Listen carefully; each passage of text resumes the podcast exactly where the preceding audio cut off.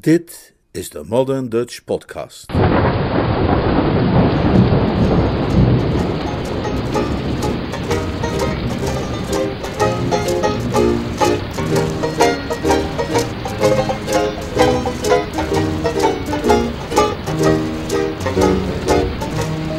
Noodweer op kasteel Blauwdings. Een roman van P.G. Woodhouse, Summer Lightning, vertaald en voorgelezen door Leonard. Hoofdstuk 11, deel 2 Wanneer je niet gewend bent zulke groots opgezette landhuizen te bezoeken, heeft zo'n omgeving als Blandings Castle iets waardoor een mens zich behoorlijk onzeker kan gaan voelen. De eigenaar van het Argus Detective Bureau eh, voelde zich dan ook niet op zijn allerbest op het moment dat Sue hem in het oog kreeg. Met Beach, die hem aan de voordeur als eerste was tegemoet getreden, was de ellende begonnen. De butler had alleen maar zijn blik op hem laten rusten, maar dat was genoeg geweest.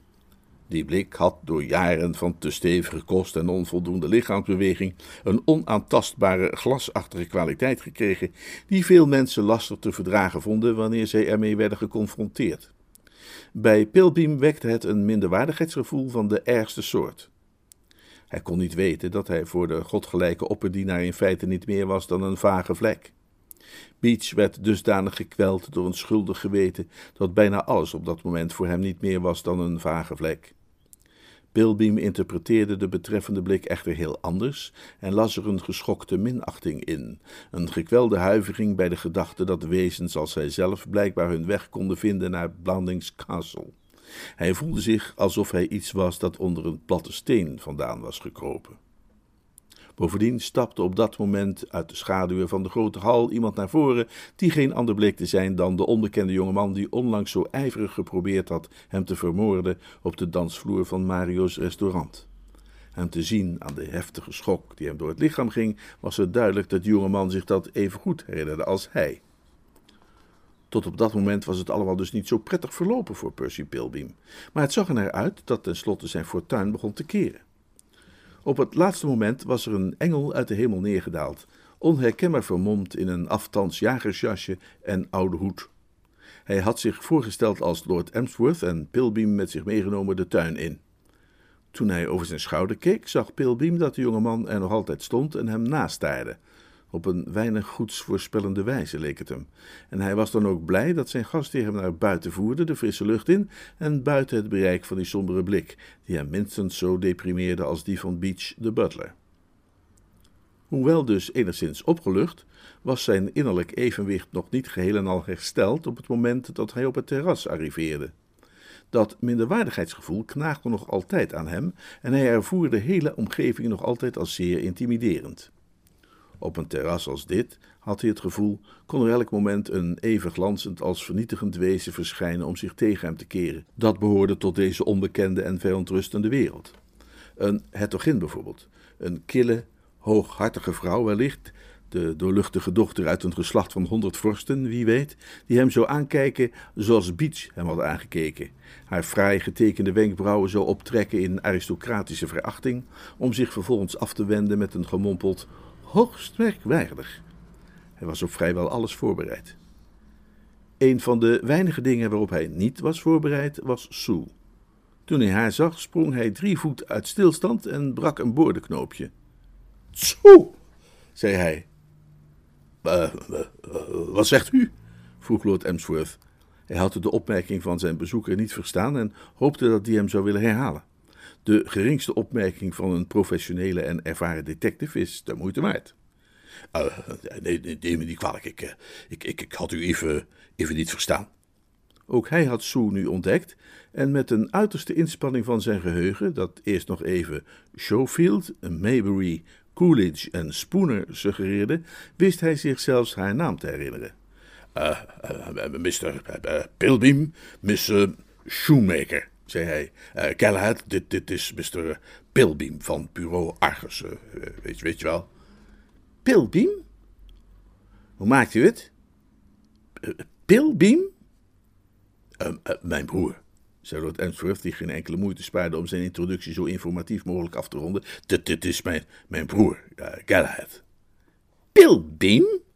vroeg Jonker Galahad en keek de eigenaar van het Argus Detective Bureau indringend aan. Heeft u ooit connecties gehad met een tijdschrift dat Society Spice heette, Mr. Pilbeam? Voor de ogen van de detective leken de tuinen van kasteel Blandings zachtjes te schudden. Hij wist dat het ten kantore van dat blijmoedige, doch vaak weinig respectvolle tijdschrift streng verboden was de naam van de hoofdredacteur aan bezoekers en bellers te onthullen. Nu werd echter maar al te misselijkmakend duidelijk dat die informatie desondanks was gelekt. Medewerkers, besefte hij nu het te laat was, kunnen ook worden omgekocht. Hij slikte pijnlijk. Het scheelde maar een haar of uit de macht en gewoonte had hij die vraag instemmend beantwoord. Oh, nee, bracht hij uit. Volstrekt niet, nee. Nee, nooit, nee, nee. Een kerel met dezelfde naam als u was daar hoofdredacteur van. Een nogal zeldzame naam ook. Nou, uh, familie misschien, hè? Uh, verre, verre familie.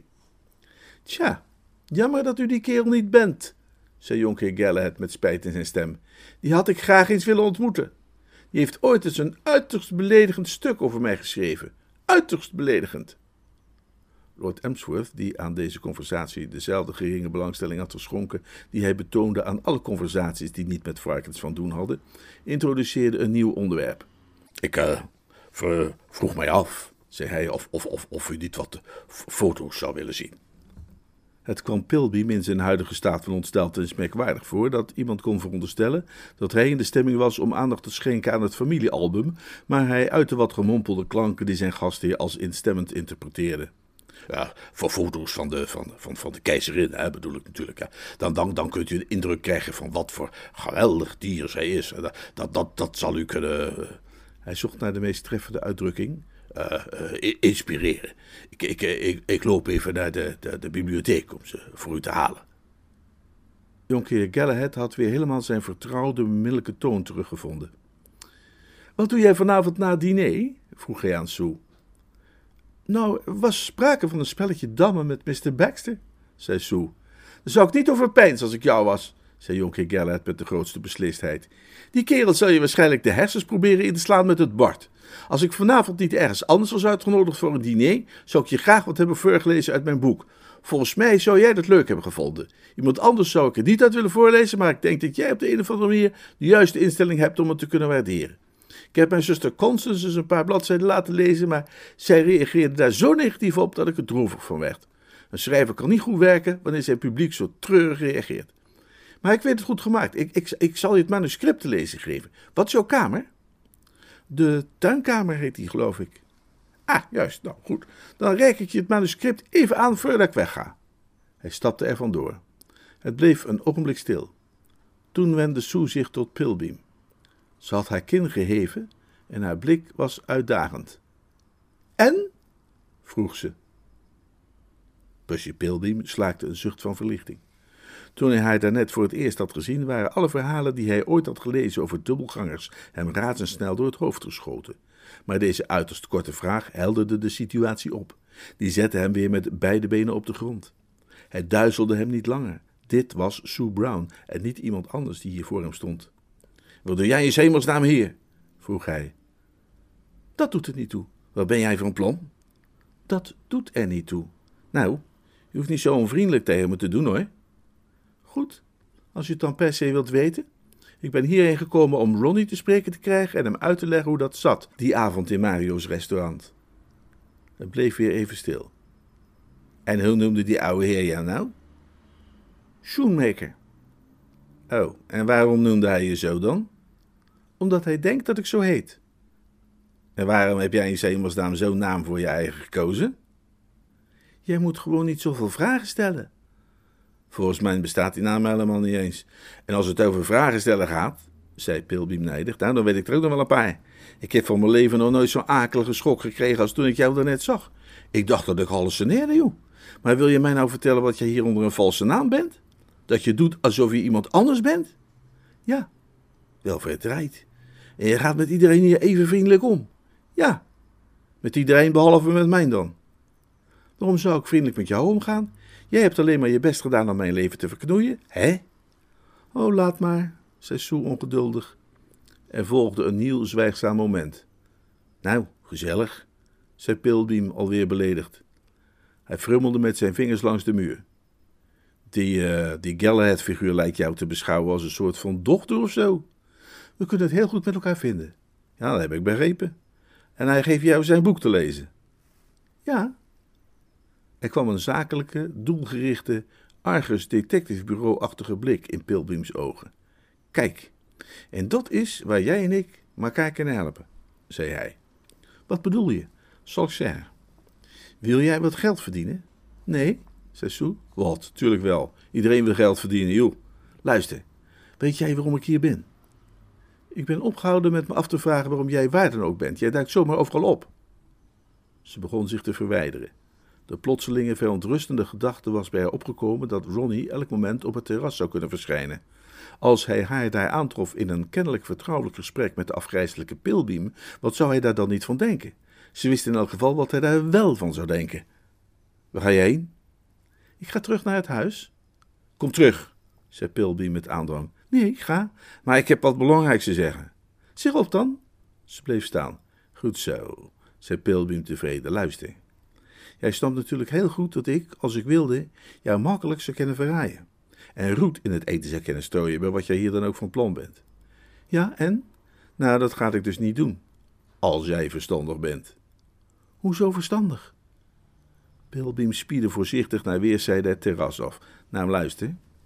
Ik heb jouw hulp nodig en ik zal je vertellen waarom ik hier ben. Die oude heer denkt dat ik hierheen gekomen ben om zijn varken voor hem op te sporen, maar dat is niet waar. Ik ben hier eigenlijk alleen om dat boek te pakken te krijgen dat jouw vriend Galhead aan het schrijven is. Wat? Ja, ik dacht wel dat je dat zou verbazen. Maar ja, dat is waarom ik hier ben. Er is een vent die hier in de buurt woont en die als de dood is tot er allerlei verhalen over hem in het boek zullen staan. Gisteren kwam hij op mijn kantoor en hij bood me. Hij aarzelde even. Hij bood me uh, eh, 100 pond als ik hier op een of andere manier wist binnen te dringen en dat manuscript achterover te drukken. En dat jij niet zo goed blijkt te kunnen opschieten met die oude knakker, maakt dat opeens een stuk makkelijker. Oh, dacht je dat? Ja, een stuk makkelijker. Vooral nu hij jou dat manuscript te lezen heeft gegeven.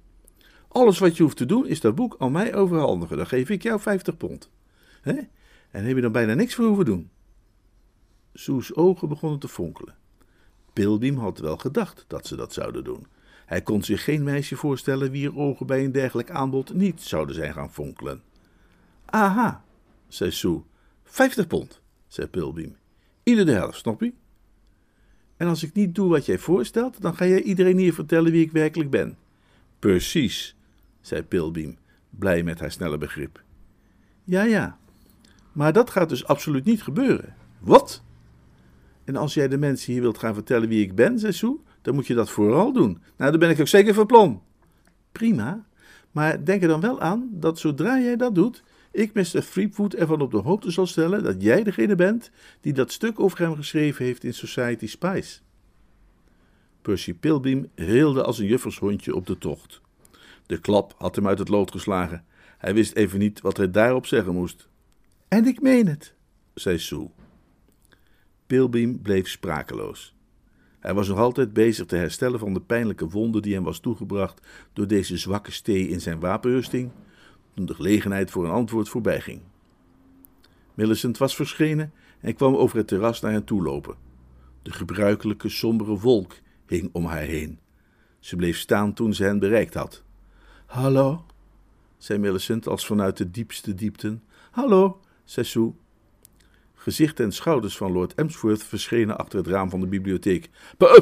Pilbeam, Pilbeam, beste kerel, kom, kom, kom alsjeblieft even, even, even hierheen. Ik, ik heb die foto's uh, gevonden. Millicent keek de detective na met sombere nieuwsgierigheid. Wie is dat? Iemand die Pilbeam heet. Nou, een heel pittere pil waarschijnlijk. Waarom loopt hij zo zwalkend? Sue kon haar de oplossing van dat vraagstuk niet bieden.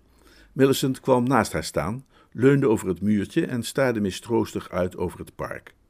Ze gaf de indruk een sterke afkeur te hebben van parken in het algemeen en van dit park in het bijzonder. Ooit iets van Schopenhauer gelezen? vroeg ze na enig zwijgen. Nee. Moet je toch eens doen. Geweldige schrijver. Ze verviel opnieuw in een droefgeestig zwijgen, terwijl haar ogen door het invallende duister tuurden. Daar ergens in de schemering liet een koe herhaaldelijk een langgerekt en hartverscheurend geloei horen. Het geluid klonk als de perfecte samenvatting en bevestiging van de algehele droefenis die er heerste. Volgens Schopenhauer kan het onmogelijk toeval zijn dat er zoveel leed heerst in de wereld. Dat moet zijn voorbestemd. Hij zegt dat het leven een mengeling is van verveling en ellende. Eén van de twee is altijd je deel. Zijn werk staat vol van zulke schitterende opmerkingen. Zou jij ook prachtig vinden. Maar goed, ik ga even een eindje wandelen. Ga je mee? Nee, ik, blijf even hier, dank je wel. Zoals je wilt. Schopenhauer zegt ook dat er helemaal niets mis is met zelfmoord. De Hindoes doen het in plaats van kerkbezoek, zegt hij. Ze werpen zichzelf in de ganges als voer voor de krokodillen en daar voelen ze zich uitstekend bij. Je bent kennelijk goed thuis in Schopenhauer. Ik heb de laatste tijd veel van hem gelezen. Ik trof zijn boeken aan in de bibliotheek. Schopenhauer zegt dat wij zijn als lammeren in de wei en rondhuppelen onder het oog van de slager, die kiest wie hij het eerst ter slachtbank zal voeren en wie daarna. Weet je zeker dat je niet mee wilt gaan wandelen? Nee, dank wel hoor. Ik denk dat ik maar wat naar binnen ga. Ook goed, zei Millicent. Een mens moet vooral doen waar hij zin in heeft. Ze ging een paar stappen op weg, maar ik kwam nog even terug. Neem me niet kwalijk als ik een beetje vreemd overkom. Ik zit een beetje ergens mee. Daar loop ik nogal over te piekeren. Ik heb me namelijk zojuist verloofd met mijn neef Ronnie. De bomen die zich aftekenden tegen de steeds dreigende wolken, leken Sue opeens voor de ogen te zweven. Ook was het alsof een ongeziene hand haar bij de keel had gegrepen en alle leven uit haar probeerde te wringen. Ronnie? Ja, zei Millicent, zo ongeveer op de toon die Schopenhauer gebruikt zou hebben wanneer hij een rups ontdekt zou hebben in zijn salade. We zijn het zojuist eens geworden. Ze wandelde er vandoor en Sue klemde zich vast aan het muurtje van het terras. Dat was tenminste een stevig ding te midden van een wereld waarin verder alles schokte en bewoog. Hé hey daar! Het was Hugo. Ze zag hem door een dikke mist, maar het was onmiskenbaar Hugo Carmody. Zeg, heeft ze het jou verteld? Sue knikte. Ze heeft zich verloofd. Sue knikte. Ze heeft zich verloofd met Ronnie. Ze gaat met hem trouwen. Sue knikte. Dood, waar is uw angel? zei Hugo en verdween in de richting die Millicent had ingeslagen.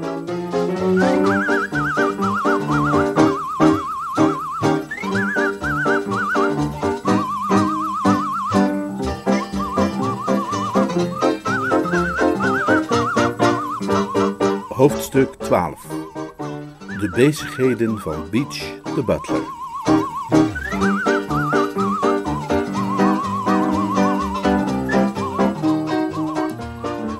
Rupert Baxter had de ferme en keurig geformuleerde brief, waarin hij zijn mening met betrekking tot de graaf van Emsworth zo zorgvuldig onder woorden had gebracht, direct na zijn terugkeer in huis geschreven, in de salon, en hem aan Beach toevertrouwd, terwijl zijn handen nog zwart waren van de aarde in de tuin.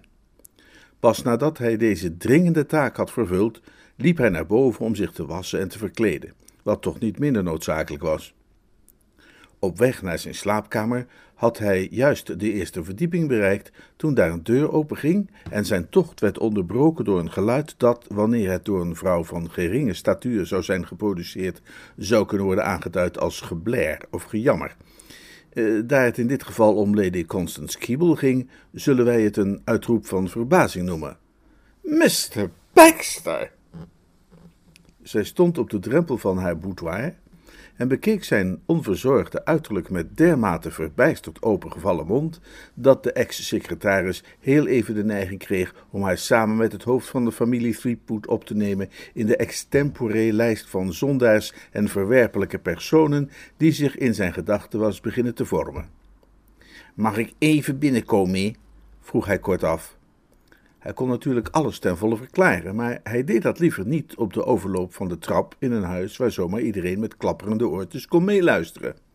Maar, Mr. Baxter, zei Lady Constance.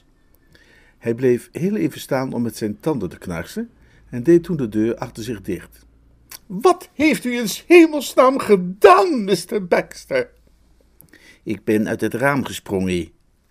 U bent uit het raam gesprongen? Hij gaf een korte samenvatting van de gebeurtenissen die hadden geleid tot zijn temperamentvolle daad. Lady Constance ademde in met een berouwvol gesis.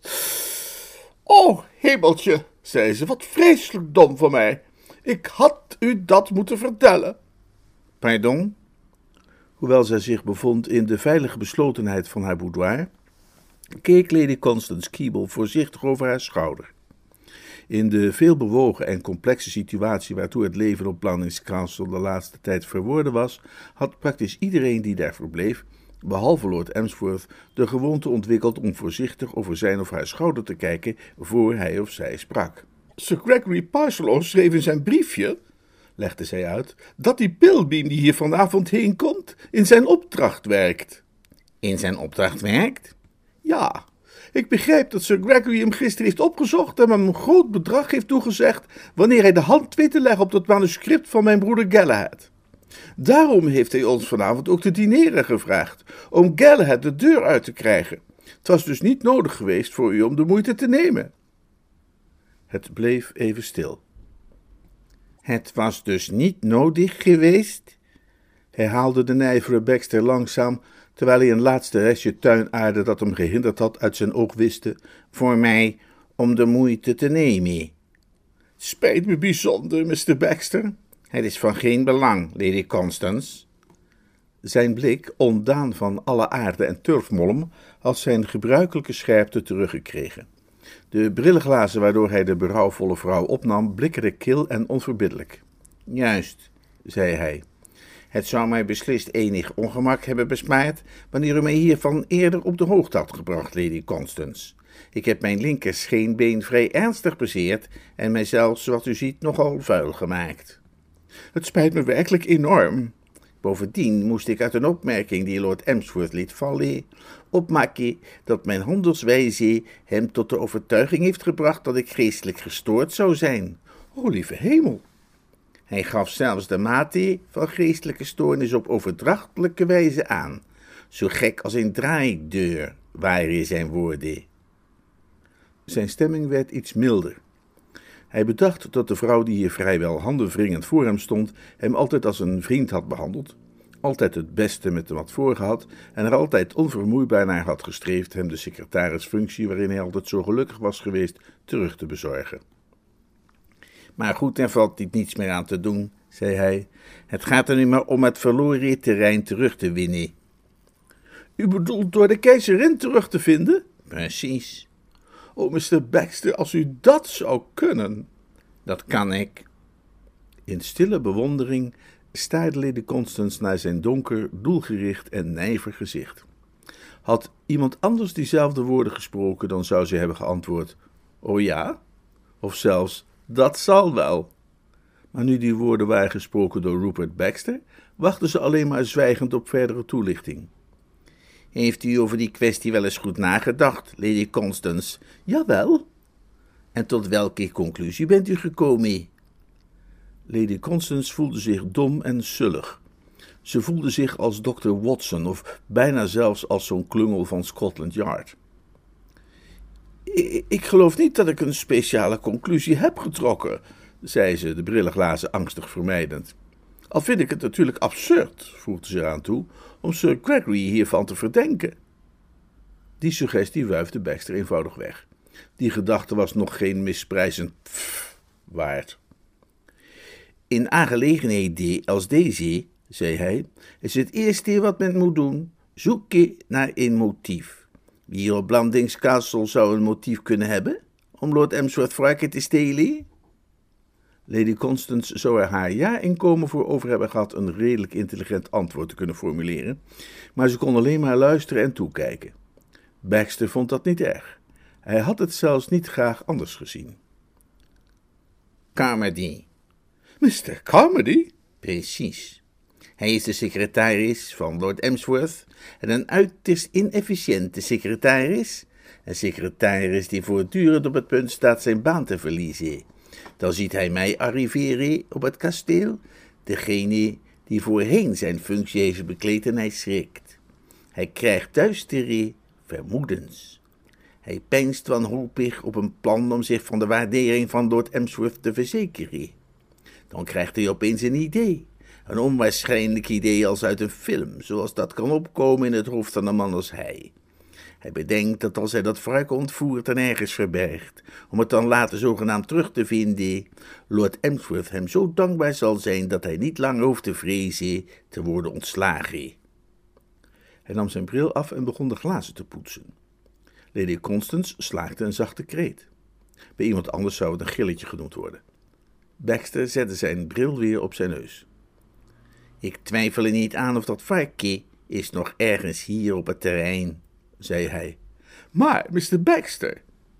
De ex-secretaris hief een bezwerende hand. Maar hij zou een dergelijke onderneming nooit alleen klaar hebben gespeeld. Een secretaris kan niet over zijn eigen tijd beschikken. En zo'n varkje moet op vaste tijdstippen worden gevoederd. Daar is een handlanger voor nodig. En ik denk dat ik weet wie die handlanger is. Peach. Ditmaal kon zelfs de wens van uw chroniqueur om het stemgeluid van Lady Constance zo voordelig mogelijk af te schilderen de waarheid niet verhullen. Zij blaten. Peach! De brillenglazen schampten haar pijnlijk. Heeft u Beach de laatste tijd wel eens zorgvuldig bekeken? Zij schudde haar hoofd. Zij was niet het soort vrouw dat butlers zorgvuldig bekeek. Hij zit hem iets dwars. Hij is nerveus. Hij kijkt schuldig uit zijn ogen. Hij heeft iets op zijn geweten. Hij maakt een luchtsprong als men hem alleen maar aanspreekt. Oh ja? Een luchtsprong, herhaalde de nijvere Baxter. Daarnet gaf ik hem. En ik sprak hem toevallig aan en hop, daar ging hij. Hij zweeg even. Ik ben eigenlijk van plan om hem eens stevig te ondervragen. Oh, Mr. Baxter, zou dat nu wel verstandig zijn? Het was maar een vaag idee geweest van Rupert Baxter om de butler te gaan ondervragen, een soort ijdele droom, maar door deze woorden kristalliseerde dat idee tot een besluit. Mensen moesten hem niet gaan vragen of een idee van hem nu wel zo verstandig was. Een paar gerichte vragen moeten de waarheid wel boven tafel kunnen brengen. Maar dan zal hij ontslag nemen. Tijdens dit gesprek waren er talloze momenten geweest waarop Baxter alle reden had gehad om poe te zeggen, maar tot nog toe had hij daarvan afgezien. Nu zei hij het echter wel. Poeh, zei de nijvere Baxter. Er zijn nog meer dan genoeg andere butlers in de wereld. Met deze onlogenbare woorden beende hij de kamer uit. Dat wassen en verkleden was nog even noodzakelijk als tien minuten eerder, maar Baxter had zich nu te zeer in de kwestie vastgebeten om zelfs maar aan wassen en verkleden te kunnen denken. Hij haastte zich de trap af. Hij snelde de hal door. Hij repte zich door de met groen laken bespannen deur die leidde naar de personeelsruimte van kasteel Blandings. En juist zocht hij zijn weg door de halfduistere gang naar het butlerkamertje, waar hij veronderstelde dat Beach zich op dit uur van de dag zou ophouden, toen de deur daarvan plotseling openging en een zware gestalte tevoorschijn trad. Het was de butler. En uit het feit dat hij een bolhoed droeg, viel af te leiden dat hij op weg was naar de grote buitenwereld. Baxter zijn pas in en bleef op één been staan toekijken. Toen de gezochte dienaar inderdaad verdween in de richting van de achterdeur, ging hem snel achterna. Daarbuiten was het bijna net zo duister als in de gang. De grauwe, dreigende lucht was inmiddels helemaal donker geworden en bedekt met zware, inktzwarte wolken die de donder, bliksem en regen voorspelden, die zo vaak een Engelse zomer onderbreken om de eilandbewoners eraan te herinneren dat zij in diepste wezen stoere Noorderlingen zijn, die vooral hun gestel niet mogen laten ondermijnen en verslappen door onophoudelijke zonneschijn, zoals de minder begenadigde bewoners van zuidelijke sferen. De bui brulde Baxter tegemoet als een bloedhond. Maar er was meer voor nodig dan een beetje slecht weer om de nijvere Baxter van zijn plicht af te houden. Zoals dat personage in het gedicht van Tennyson dat de lichtglans bleef volgen, zo volgde hij de butler. Er was maar één ding waarin Beach ook maar in de geringste mate op een lichtglans geleek, maar dat was dan ook de enige overeenkomst die er op dit moment toe deed. Hij was gemakkelijk te volgen. De butler werd door het struikgewas verzwolgen. Een paar seconden later ook de nijvere Baxter.